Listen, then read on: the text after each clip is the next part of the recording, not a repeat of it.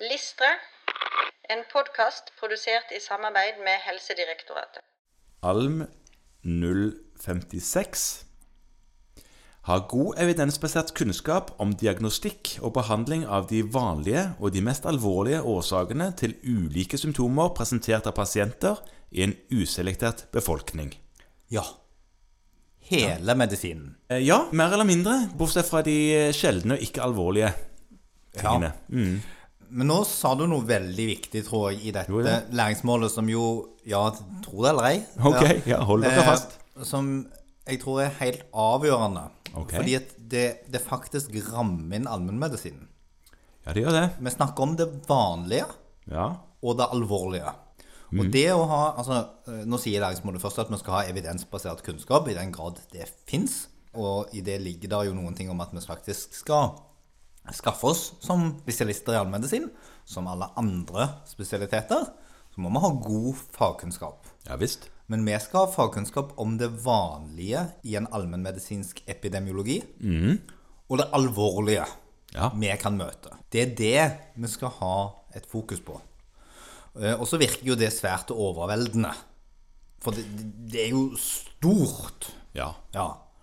Men samtidig så er det sånn at dette er jo ikke noe du skal kunne i løpet av de første seks månedene i allmennmedisinen. Nei, det er riktig. Helt riktig. Heldigvis. Det- Dette bruker du tid på. Ja, og, og derfor så er det også sånn at en av disse læringsaktivitetene som ligger inne, det er jo da dette med det vi kaller for kliniske emnekurs.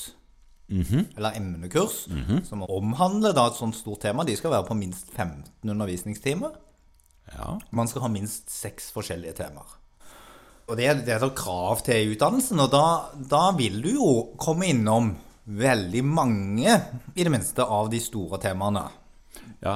Og få en grundig faggjennomgang i dette. Så det er ikke sånn at man trenger å miste nattesøvnen over manglende faglig kompetanse. Nei, å sette seg ned og lese bøker opp og sider ut og inn og sånne ting.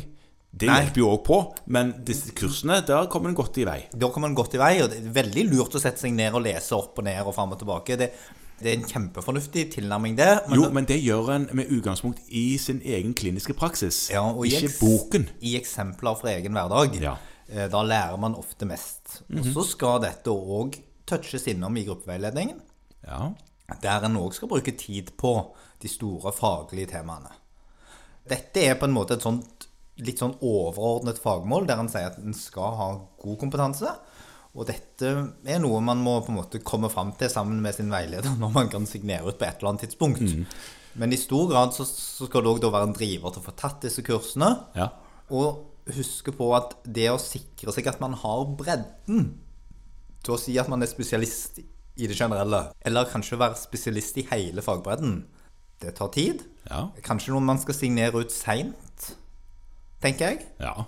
Når man på en måte har tenkt igjennom og kommet igjennom at jo, faktisk så mener jeg at nå har vi god nok evidensbasert kunnskap om diagnostikk og behandling av de vanlige og de alvorlige tilstandene. Et ord bare helt til slutt som står i dette læringsmålet, er evidens. Ja, Og det er jo òg et ord som man kanskje bare må merke seg, at man driver på med evidensbasert kunnskap. Ja. Og Det betyr jo at det er kunnskap som ikke er fordi at eh, man syns at eh, det var sånn det burde være, men fordi at eh, forskning dokumenterer eller ligger til grunn for anbefalingene som du behandler ut ifra.